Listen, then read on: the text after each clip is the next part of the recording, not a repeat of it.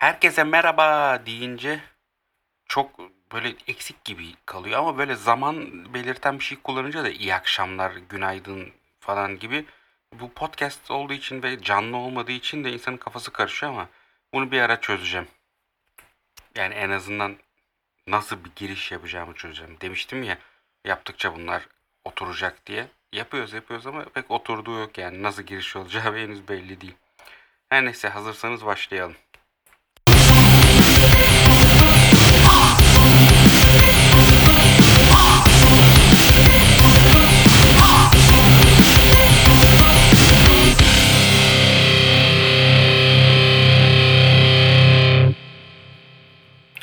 Evet, hoş geldiniz tekrardan podcast'in yeni bölümüne.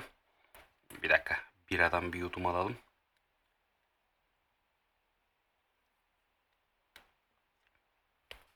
Bu tip programlar herhangi bir destek olmadan kesinlikle yapılmaz. Kimileri kahve içiyor, çay içiyor ama ben bu durumlarda bira tüketmeyi tercih ediyorum. Her neyse.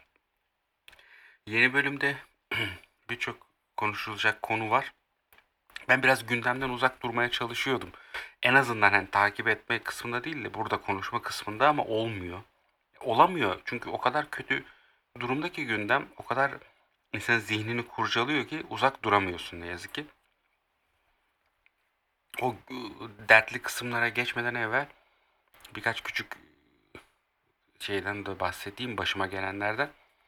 Evde bir boya badana mevzusu oldu. Şimdi bu şeyden bahsetmek istiyorum öncelikle. E, Yıllardır bunu söylerim. Şimdi eskiden ben çocukken evimizde bizim bir sürü ansiklopedi vardı. Bu temel Britanikalar, ana Britanikalar, A'dan Z'ye bilmem kaç cilt bir sürü cilt ansiklopedi. En bayi çeşit bilgi orada var. Fakat onun dışında başka yerde bilgi yok abicim. Evde bilgisayar var, bilgi sayar. İçinde bir, bir sürü bilgi olması beklenen alet var mı? Var. Ne var? İşte önceki bölüm, ikinci bölümde bahsetmiştik ya Sinclair vardı. Sonra Amstrad CPC 6128 var.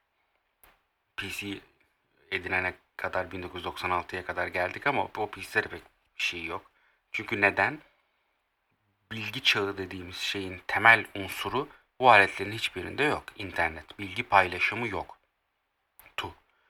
O aletlerde hiçbir şey yoktu. Hiçbir şey yapamıyordun. Yani senin biliyor olman lazım ki o aleti yönlendirebilesin. O alet seni yönlendiremiyordu. Şimdi artık öyle değil. Şimdi o aletler ve bu bilgiler bizleri yönlendiriyor. Her neyse. Demek istediğim şey şu. O zamandan beri söylediğim şey. Bizim evimizde sadece ansiklopedi vardı. Ya birçok insanın da öyleydi. Ve herkes o kadar çok şey biliyordu ki. Çünkü herkes araştırıyordu, merak ediyordu. Diyorum ya o ansiklopediyi açınca direkt A harfi, abaküsten başlayıp Z'de işte artık ne ise konu ona kadar herkes bir çocuklar merak ediyordu, bakıyordu bunlara.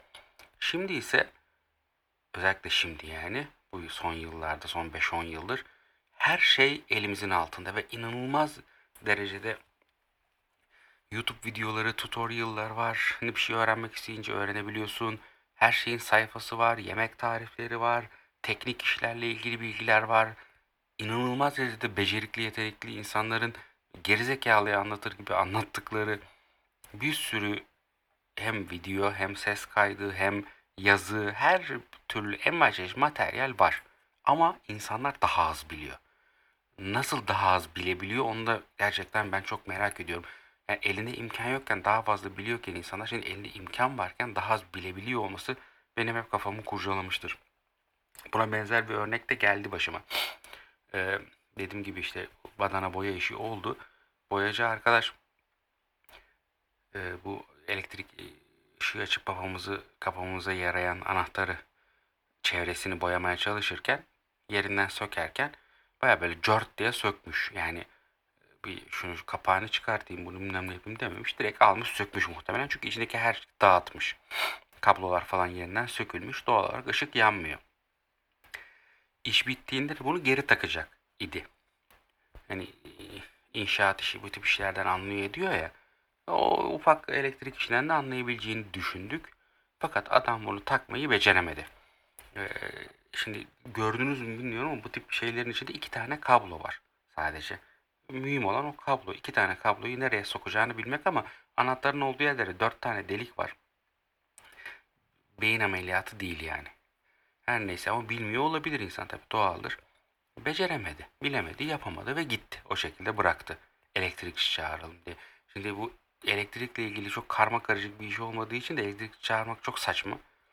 Ve şimdi ben de evet bilmiyorum. Hiç daha önce böyle bir şey yapmadım. Elektrikle ilgili hiç bilgim yok. Mühendis değilim, tekniker değilim. Yani hiçbir daha önce böyle bir şey denemişliğim bile yok. Ama işte burada o demin bahsettiğim konu devreye giriyor. Yani YouTube videosu açtım. Nereye sokulabileceğine dair. Ee, çeşitli bir şeyler okudum. 5 dakikam falan aldı. Ve en önemlisi herkes de olabilecek bir şey. Ben o konuda biraz daha şanslıyım. İşte elektrik mühendisi arkadaşım var. Dayı dedim bunu nereye şey yapıyoruz deliğini? Hangisine sokuyoruz? O da baktı şuraya şuraya sokuyorsun. Öyle oluyor. İki tane kablo var zaten. Tamam dedim. Şalt şey, sigortayı indirdim. Onu oraya soktum ve hallettim. Bu kadar basit bir şey işte. Yani bana gerçekten komik gelen, garip gelen bu. Hiçbir şey bilmeyen ben bu tip işleri daha evvelden yapan, yapmış olan bir insanın işini yapabiliyorum.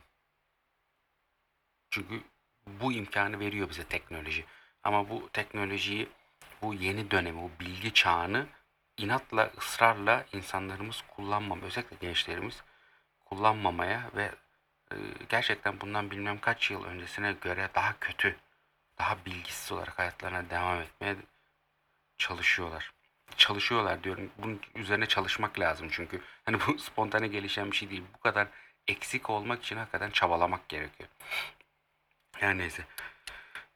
Ee, bu yakın zamanda geçen kaç bir dün geçen gün oldu Sakarya'da havai fişek patlaması. Bu havai fişeklerle ilgili e, geçen bölümlerin birinde konuşmuştum hatırlıyorsanız ne kadar gereksiz icatlar olduğu ile ilgili. E, patlama kısmı biraz Türkiye gerçeği gibi. Hani bizim zaten iş güvenliği ile ilgili hiçbir şey yaramamamız, hiçbir şey beceremememizle ilgili. Ama hani bir yandan da fabrikanın gereksizliği de gözler önüne çarpıyor. Bu e, havai fişek muhabbetiyle ilgili bu arada fabrika patladı.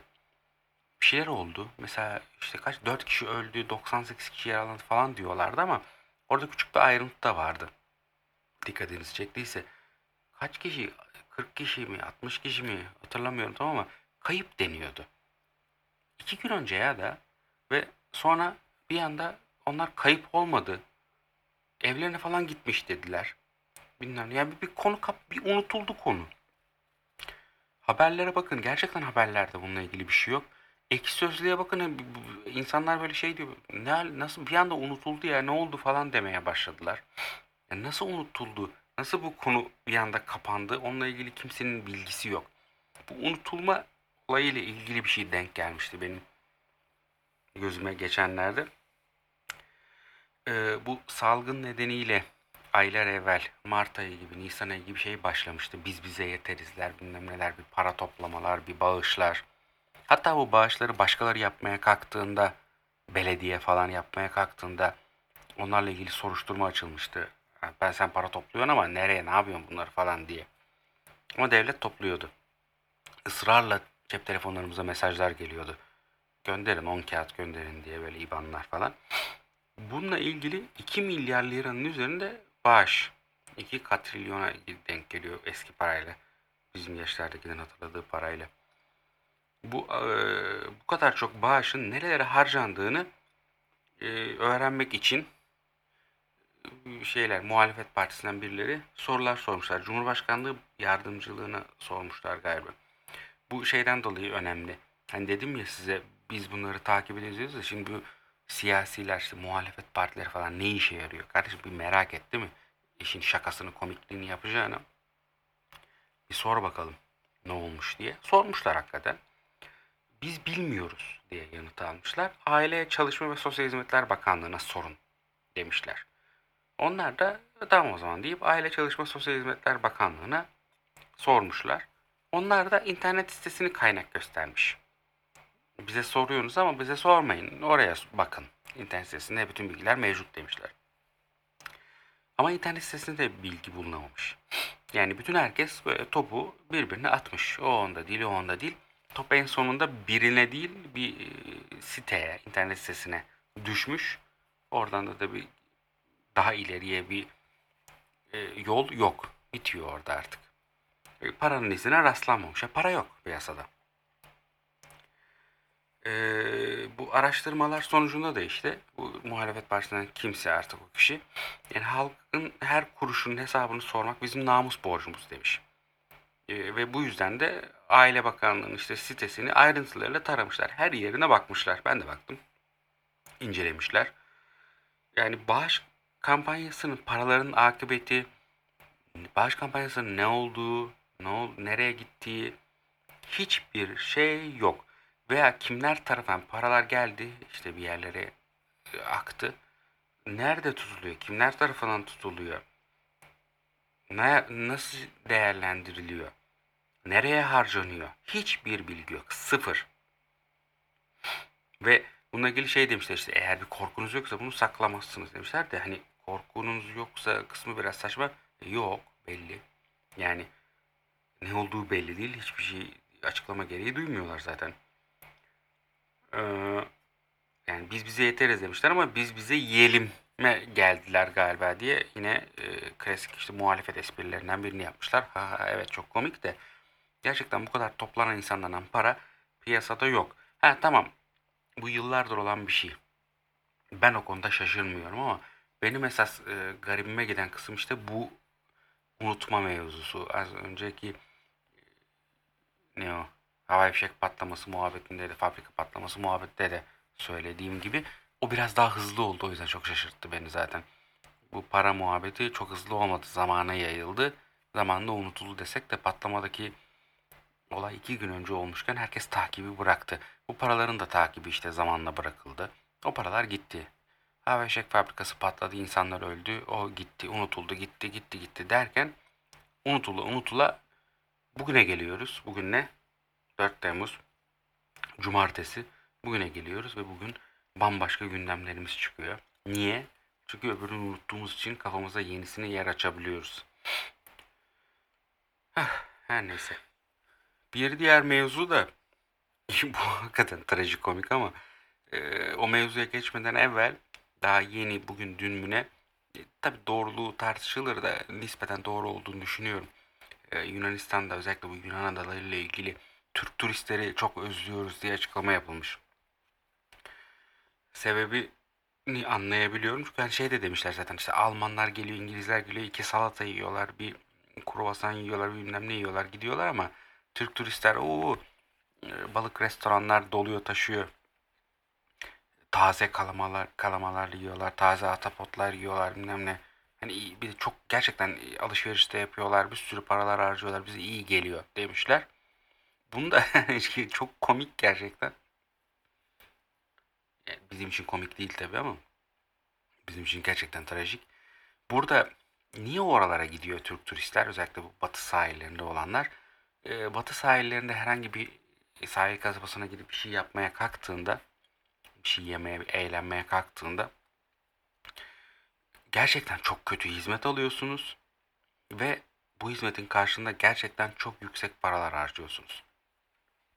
Orada hani otellerden ve otellerde verilen hizmetten harcanan paralardan bahsetmiyorum. Yani sadece çok basit restoranlardan bile e, bizim yani gitmişliğimiz, görmüşlüğümüz de var öyle çok basit işte Samos adasında falan. O kadar iyi hizmet, o kadar ucuz fiyata veriliyor ki aslında ucuz da değil ama e, nasıl diyeyim bizim burada o kadar pahalı ki biz o bize ucuz geliyor biraz öyle diyelim. Bizim burada hiçbir şey yapmadan çok para alındığında öyle olunca bize garip geliyor. Ulan hakikaten falan ama aslında değil normal parasını alıyor insanlar. Orada da. Her neyse. Niye oraya kaçıyor insanlar? İşte bu yüzden. Orada o güzel hizmeti daha normalden daha ucuza. Bu arada normalden daha ucuza derken de yani Euro'nun kuru bu haldeyken bile ucuza denk geldiğini hatırlatmam gerekiyor. Yani burada bir şeye 100 lira veriyorsunuz. Orada 10 euro veriyorsunuz. Euro'nun bu haliyle 70 liraya denk geldiğinde bile daha ucuza geliyor. Düşünün konunun ne kadar ciddi olduğunu. Buna şimdi eş değer olarak Bodrum Belediye Başkanı arkadaşımız akıllara zarar bir açıklama yapıyor. Ne diyor abicim? E, turistin cebindeki parayı sonuna kadar almakla mesulüz diyor. Bakın e, bunu bir özel teşebbüs sahibi biri söylemiyor. Belediye başkanı söylüyor. Ya abicim kusura bakma bir git ya. Yani tabii ki bir şi- şirket sahibi, bir dükkan sahibi kazanabildiği kadar çok para kazanmak için her şeyi yapar.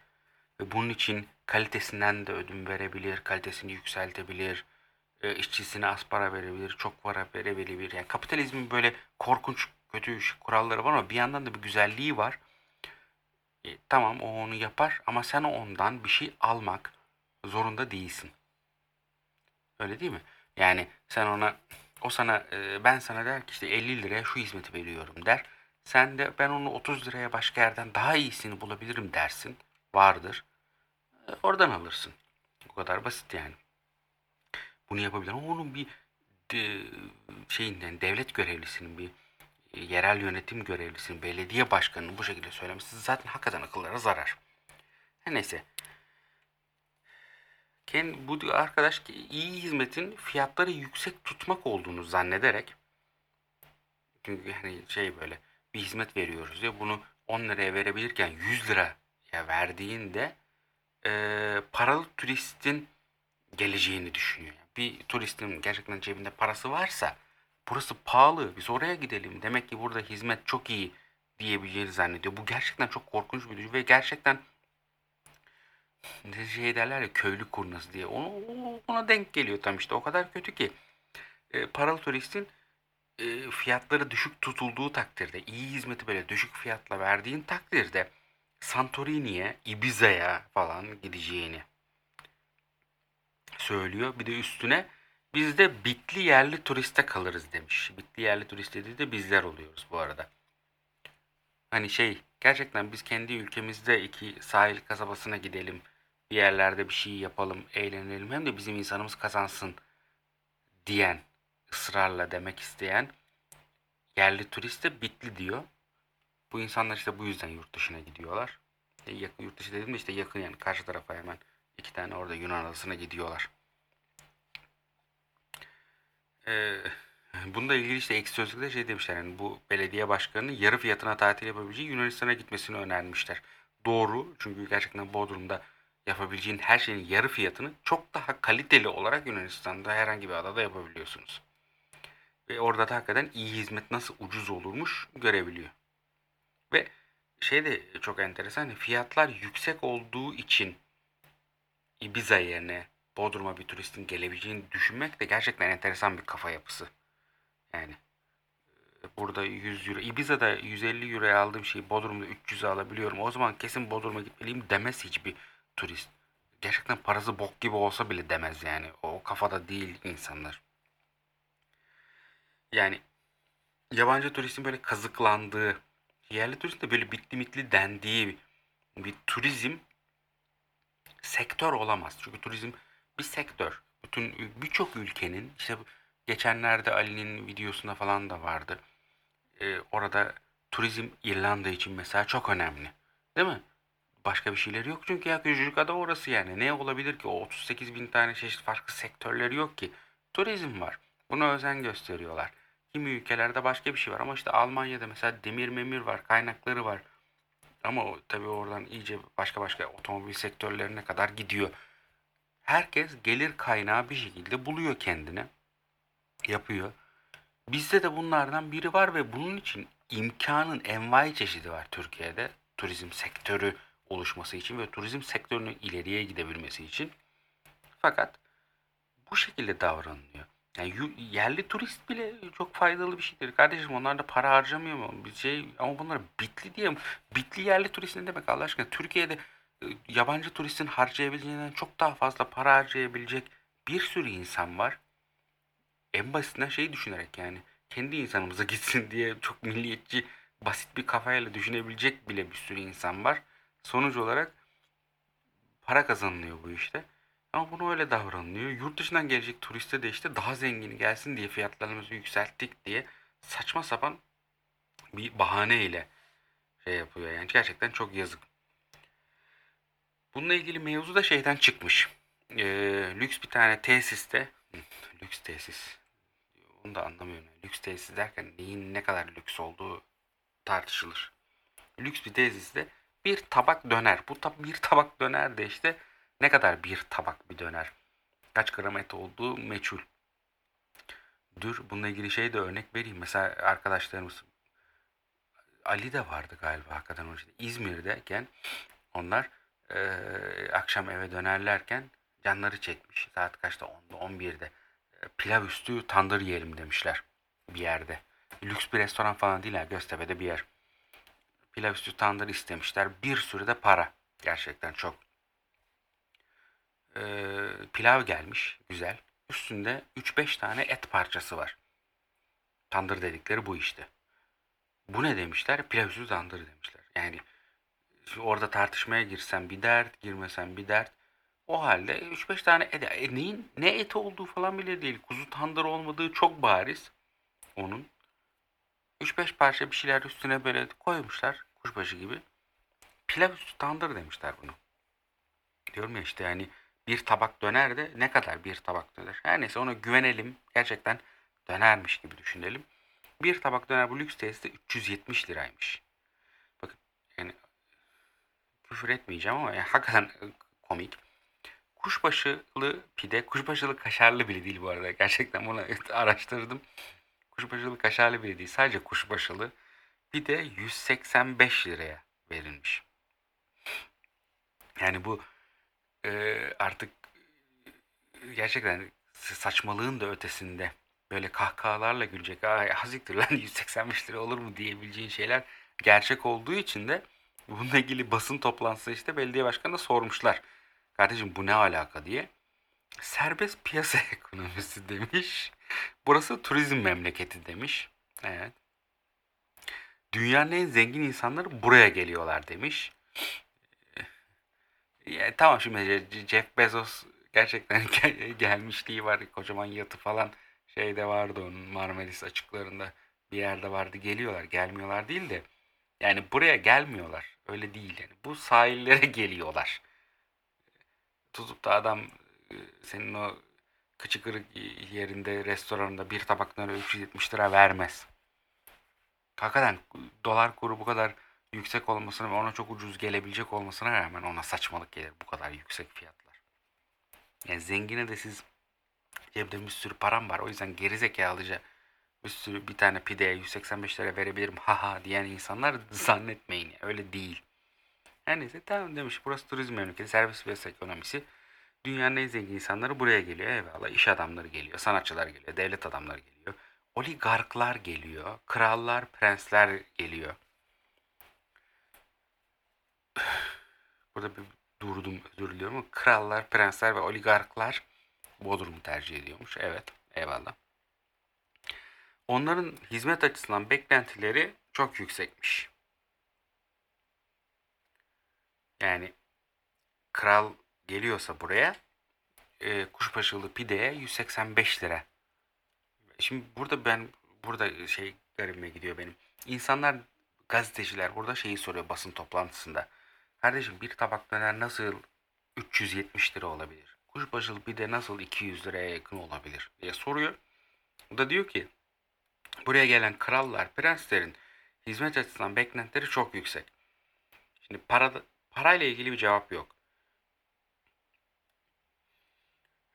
Diyor ki hizmet açısından beklentileri çok yüksek. Şimdi pidenin 200 liraya yakın paraya satılmasıyla hizmet arasında ciddi fark var. Hizmet derken sen neyden bahsediyorsun?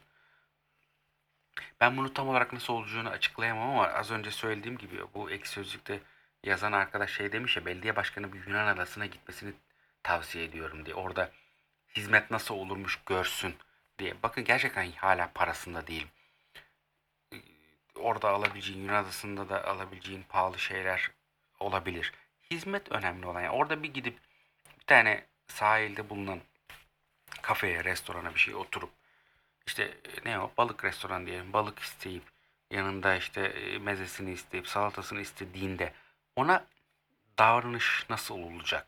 Veya bir e, orada beach club diye bir şey yok ama orada işte bir oturup sahilde şezlongunda bir bira içeyim dediğinde ona hizmet nasıl olacak?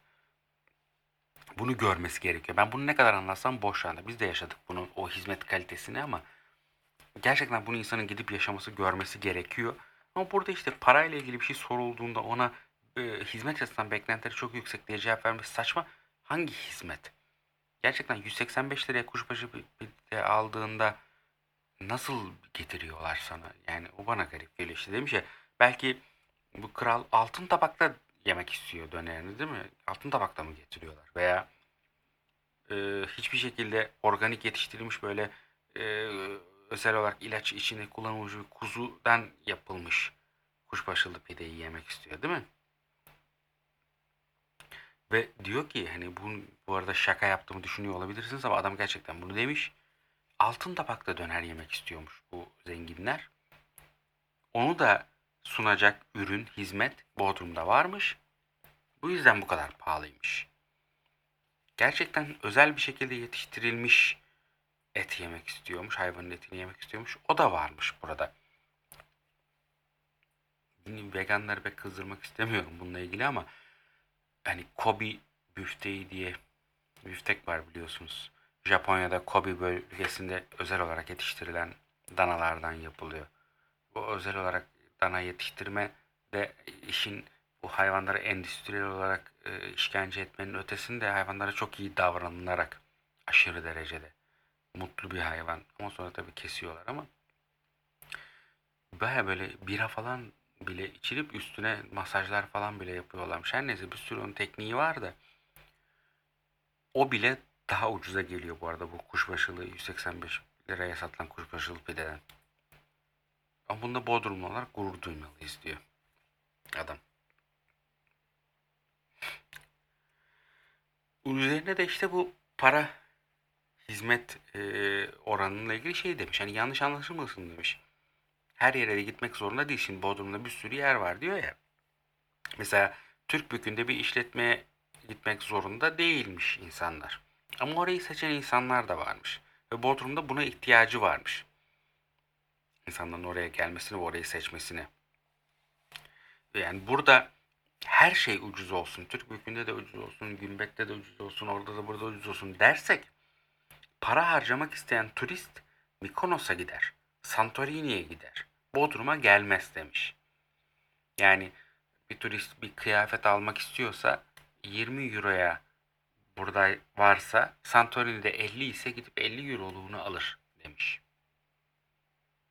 Ben bunu şaka olarak söylüyorum tabii. Hani bu ne kadar saçma olduğunu siz buradan çıkartabilirsiniz. Bodrum tamamen bütün ekmek parasının kazandığı paranın turizmden geldiğini işaret etmiş. Ve ee, biz turistin ama kendi vatandaşımızın demiyorum. Turistin cebindeki parayı sonuna kadar almakla mesulüz. Adam cebine para koymuş gelmiş niye harcamasın? Bir dönere 100 bin lira vermek istiyorsa bile versin yesin. Sana ne bana ne demiş. Ama Bodrum'da 20 liraya da döner var. O dönerin de 20 lira olması gerektiği konusunda tereddüt ediyorsanız eğer belediyemize başvurursunuz ben de onu denetlerim demiş. O dükkan pisse, o dükkanda hizmet yoksa, doğru düzgün servis yoksa, aldığınız hizmet ödediğiniz pararsa fark olduğunu düşünüyorsanız yine denetleriz. Sonuna kadar da gereğini yaparız demiş. Ama hani başka bir yerde satılan şey pahalıysa ve insanlar özellikle turistler bunu almak, yemek harcamak istiyorsa biz ona karışmayız demiş. Şimdi burada da şöyle bir şey var. Ee, bizim yerli turistin yurt dışına gitmesi, e, işte Yunan adalarına gitmesinin dışında Türkiye'ye gelen turist sayısında da bir ciddi miktarda o konuyla ilgili azalma var. Yani şu mutlu turistten bahsediyorum ben. Hani buraya geliyor insanlar. Eskiden bir yerde kalıp sağda solda gezip inanılmaz derecede alışveriş yapıp o zamanlar da vardı turisti kazıklamak ya yani 3-5 e, lira 10 lira 20 lira daha fazlaya satmaya çalışan esnaf her zaman vardı. Bu çok da abartı bir şey değil. Bunu yapıyorlar yani yurt dışında da yapıyorlar bunu. Satmaya çalışıyorlar.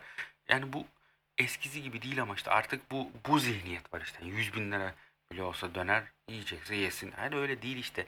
Onu bir kere yiyor adam. Bir daha gelmiyor, yemiyor. Ve artık bu gelip de 3-5 pansiyonda kalıp, otelde kalıp sağda solda gezeyim de e, oradan buradan alışveriş yapayım, şuraları merak edeyim, gezeyim, buradan alayım, burada yiyeyim diyen turist kalmadı. Aksine işte bu her şey dahil oteller de buna istinaden çıkmıştı zaten. O onlara daha ekonomik gelmeye başladı. 2-3 gezeyim ama hep otelde kalayım. Otelin tesislerini kullanayım. Eee, otelde işte yiyeyim içeyim. Hatta otel kendi özel araçlarıyla beni otelin özel olarak anlaştığı diskoya götürsün. Sonra yine özel araçla geri getirsin. Taksici de para kazanmasın. Dolmuşta para kazanmasın. Başka başka diskodur bir şeydir varsa onlar da para kazanmasın. Bu hale geldi. Gelmişti artık daha da gel. Şimdi gelmişti dediğim bundan 5-10 sene öncesini ben doğru düzgün böyle hatırlıyorum. O zamandan beri çok böyle yazın sağda solda artık takıldığımız ettiğimiz yok da. Ama bu hale geldi işte artık hala öyle. Her şey dahil otel. Turistler bunu tercih etmeye ba- başlamıştı. Hala da bu şekilde devam ediyor. Bodrum'da güzel butik otele gideyim orada sadece kahvaltımı edeyim. Ondan sonra bütün gün Bodrum'un altın üstüne getireyim. Plajlarında gezeyim. Sağda solda yemek yiyeyim. Akşam da istediğim diskoya bilmem neye gideyim diyen turist sayısı gerçekten az. Ve bunu güzel bir şekilde yapan insanlar aslında yerli turistler. Ama yerli turistler de işte artık bunlardan hep bıktığı için yurt dışına kaçmaya özellikle Yunan adalarına kaçmaya başladı. Bu Yunan adalarında da son işte 10 senedir falan şeyler vardı. Ee, ne o yakındaki Yunan adalarına özel olarak bir sürü vize şengenlerle uğraşmayıp kısa süreliğine bir haftalığına falan gidip dönebileceğin e, vizeler ve özellikle günübirlik vizeler uygulanmaya başladığından beri işte yakındakiler Midilli'ye, e, şeye, Sakız'a, e, Sisam'a, Samos'a, e, Kos'a, Rodos'a bunlara gidip gelebilmesi için insanlar inanılmaz derecede bu dediğim kaliteli yerli turist şunu yapayım bunu yapayım diyen yerli turistlerin hepsi oraya gitmeye başladı. Bir kere iki kere gittiğinde oradaki hizmeti tattıktan sonra artık sürekli onu yapmaya başladı. Şimdi bu pandemi döneminde bu yaz biraz sekteye uğradı ama eminim böyle bir şey olmasaydı sürekli herkes oraya yoğunlaşacaktı. Yerli turist, merli turist diye bir şey hiç bu- burada kalmayacaktı. Yani onu çok çok eminim. Hani bunu işte kendi ellerimizle bitirdik derken bu tip insanlar sayesinde bitirdik. Hem esnaf olarak hem de yönetici olarak. Dediğim gibi esnaf bunu düşünebilir. Esnaf para kazanmak için türlü türlü yollar deneyebilir. Bu yol yanlış da olabilir. Ama bu genel olarak bir politika haline gelmesi sakıncalı zaten. Esnaf yaparsa bunu bireysel olarak yapmış olur. Sen oradan alışveriş yapmazsın. Turist oradan alışveriş yapmaz. Turist orayı tercih etmez. Bodrum'daki o adamları tercih etmez. Gidip Çeşme'de takılır. Başka yerde takılır. Didim'de takılır. O olmuyor. Çünkü politika bu hale geldiği için her yer aynı şekilde olumsuz bu olumsuz havayı estirdiği için genel olarak zaten işte bununla ilgili problem yaşanıyor. Esas sıkıntımız bu. evet. Biraz artık böyle turizm ayıflanması gibi oldu ama bu daha çok e, mevzu turizmden çıkmış durumda. Yani turizmle alakalı değil benim söylediğim şeyler. Genel olarak kafa yapımızla alakalı. Böyle denk gelmiş gibi oldu. Turizmle ilgili şey. Daha önceki mevzuda söylediğim gibi hani unutma mevzu da mesela sadece Sakarya'daki patlama ile ilgili değil. İşte başka şeyler de oluyor. Onları da unutuyoruz. Turizm olayı da bu, bizim kafa yapımızı yansıtan şeylerden biri. Aslında mevzular bitti bu arada ama bir tane geçen gün gelen enteresan denk gelen enteresan bir mevzu var. Onu da söylemeden geçemeyeceğim yani aklımda kalır hakikaten uyuyamam. Ee, bu Milli Piyango, Süper Loto, ıvır zıvır bu şans oyunlarıyla ilgili çok uzun bir süredir aslında şaibe e, olduğuna dair böyle söylentiler vardı. İnsanlar şüpheleniyordu. Yine özellikle işte muhalefet partileri başka hiçbir mevzu yokmuş gibi buna takıp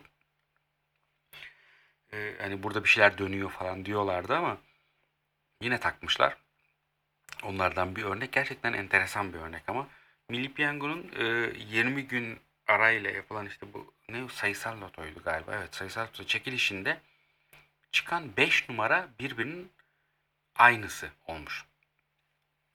E, 6 Haziran'daki çekilişte 5, 11, e, 24, 39, 41, 44 numaralar. 27 Haziran'da ise 5, 11, 24, 30, 39, 41. Yani 39 falan 30 var farklı olarak işte. 44 diğerine de hiçbir şey evet, 44 yerine 30 var. Sadece bu. Küreden düşmüş. Her iki çekilişte de bu numaralar çıkmış. 5, 11, 24, 39, 41. 7 Haziran'daki çekilişte de 644 kişi 5 numara bilmiş. Yani çok zor, kolay bir şey değil. 995'er bin lira kazanmış. E, CHP'li işte muhalefetten milletvekili de şey demiş. 20 gün arayla iki tane çekiliş yapılıyor. 6 numaradan 5'i aynı çıkıyor. Şimdi bu durumun e, herhalde bu birine çalıştırtmış ya da kendi matematikçisi bilmiyorum istatistikle ilgili ama 3,5 trilyonda bir ihtimal olarak söylemiş. E, bu yüzden de işte şaibe iddiaları daha evvelden çıkan şaibe iddiaları işte 3,5 trilyonda bir ihtimalin denk gelmesini şaşırıyorlar tabi. E, burada esas enteresan olan kısım tabi bunun böyle denk gelmesi ihtimaller bilmem ne değil. Bu denk gelen ihtimallerin Ankara Yeni Mahalle'ye denk gelmesi. Daha evvel de aynı şey konuyla ilgili tartışmalar olmuştu. Bir şeyler oluyor ediyor. insanlar biliyor bu şeyleri sürekli. Aynı numaralar çıkıyor falan. Sürekli olarak Ankara Yeni Mahalle kazanıyor bu şeyleri. Enteresan bir durum var. Yani sürekli olarak bu yeni mahallede bir şey varmış gibi, e, ne efsunlu bir yermiş gibi ikramiyeler oraya çıkan ikramiyeler dikkat çekici demişler. 6 adet numaranın 5'i aynı çıkıyor. Ve 644 kişi de bu rakamları biliyor. Şimdi sayısal loto tarihinde toplam 1335 çekiliş yapılmış.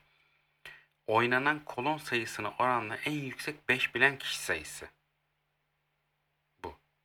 Yani eğer e, sayısal loto çekilişlerinde 5 bilen kişi sayısı belli bir sayının üzerine çıkıyorsa e, bilimsel hesapları da e, hesaplamaları da zorlayan bir müdahale oluyormuş. Bu ne demek anlamına geliyor? Ben de bunu tam olarak anlayamamıştım ama biraz şimdi anlatamadım zaten. Şimdi e, bir he- hesaplama yaptığında, istatistik hesaplama yaptığında e, şu kadar rakam var ve onunla ilgili şey şu kadar kişi katılım yapıyor, şu kadar kişi biliyor falan diye bunların arasından bir korelasyon çıkartıp hesaplama yapıyorsun ya. Sorun burada şu. e, o kadar çok kişi bilebiliyor ki bunun istatistik bir hesaplama yapma ihtimali ortadan kalkıyor. Hani demişler ya 3,5 trilyonda bir ihtimal. E, tamam o denk gelmesi o doğru bir ihtimal ama o kadar çok kişi biliyor ki bu 3,5 trilyonda bir ihtimal demek bile yanlış. Yani bu gerçekten olmaması gereken bir şey. Hesap yapmayı zorlayan bir dışarıdan müdahale olduğunu kanıtlayan bir şey olduğunu söylüyorlar. Bununla ilgili. Ve işte buna benzer olarak örnekler de vermişler. Bu örnekler daha çok e, sene başından kalma, geçen sene başından kalma hatta. Demiştim ya bununla ilgili hep şaibe iddiaları vardı diye. Ee, mesela 5 Ocak tarihinde 2019 yılında bu yıl değil çıkan numaralar büyük ikramiyeyi tutturan numaralar 2, 20, 29, 38, 46, 47 ve işaretlediğinizde bunu kolona yukarıdan aşağı düz bir sütun oluşturacak şekilde e, denk geliyor. Sadece işte 11 yok orada. Onun yerine 46 denk gelmiş diyorlar. 23 Ocak 2019 ondan 15 gün sonra e, çekiliş tarihi bu yayınlanan program Web TV'sinden yayınlanmış şeyin Milli Piyango'nun. E, çekiliş tarihi 23 Ocak 2019 ama o, o tarih görünmüyormuş ekranda. 1-1-1970 olarak gösterilmiş. E, ikramiye kazanan numaralarda 1, 10, 18, 29, 30 ve tekrar 10 sayısı çıkmış. İki aynı sayıya çıkan ikramiye de şans topu çekilişine ait oldu ortaya çıkmış. Mesela. Ee, 30 Ocak 2019 bu sefer de bir hafta sonrasında hemen sayısal loto ve şans topunda da 3 sayı aynı anda denk gelmiş. Yani hem sayısal lotoda çıkan 6 rakamın 3 tanesiyle şans topunda çıkan rakamların 3 tanesi birbirinin aynısıymış. Bu da 6 küsür milyarda bir olasılığa denk geliyormuş. Yani e, ortaya çıkan mevzuların hepsi matematik bilimini, istatistik bilimini falan zorlayan şeyler ve dediğim gibi bu yeni mahalle ve Ankara çevresindeki yerlere çıkma oranı da gerçekten çok fazla. İnsanların kafasını kurcalıyor ediyor. Her devam diyeceksiniz ki şans oyunu da neymiş diye ama şey gibi düşünün ya. Tamam o insanlar da kanmasaymış diyebilirsiniz ama birçok insan da bunu hani belki de bana çıkar diye temiz bir şekilde. Yani bu kötü bir niyetli bir şey değil. ki. Temiz duygularıyla insanlar bunu işaretliyor, ıvır zıvır bir şeyler yapıyor. Oynuyorlar. Ve bu insanları işte kandırmış oluyorsunuz. Ve bu e, Las Vegas kumarhanesinde 3-5 kuruş para kazanmaya çalışırken ütülmen gibi bir şey değil. Yani gerçekten devlet eliyle kandırılmış oluyorsunuz bu gerçekse. Gerçekten çok korkunç bir şey yani. Her neyse. Mevzular bu dediğim gibi mevzular bitmişti. Bunu eklemeden geçemeyecektim. Başka bir şey var mı diye bakıyorum ama başka bir şey yok. O zaman bir sonraki programda biraz ne olur kafam gün ya bir şey diyeceğim. Hani bu dedim ya bunlar aslında çok gündemle ilgili bir şey değil de araştırmaya çalışırken sürekli karşıma çıkan mevzular ve gündemle yani gündem derken bu günle ilgili değil ama e, işte gündemi takip eden mevzular umarım artık birazcık durulsun ortalık.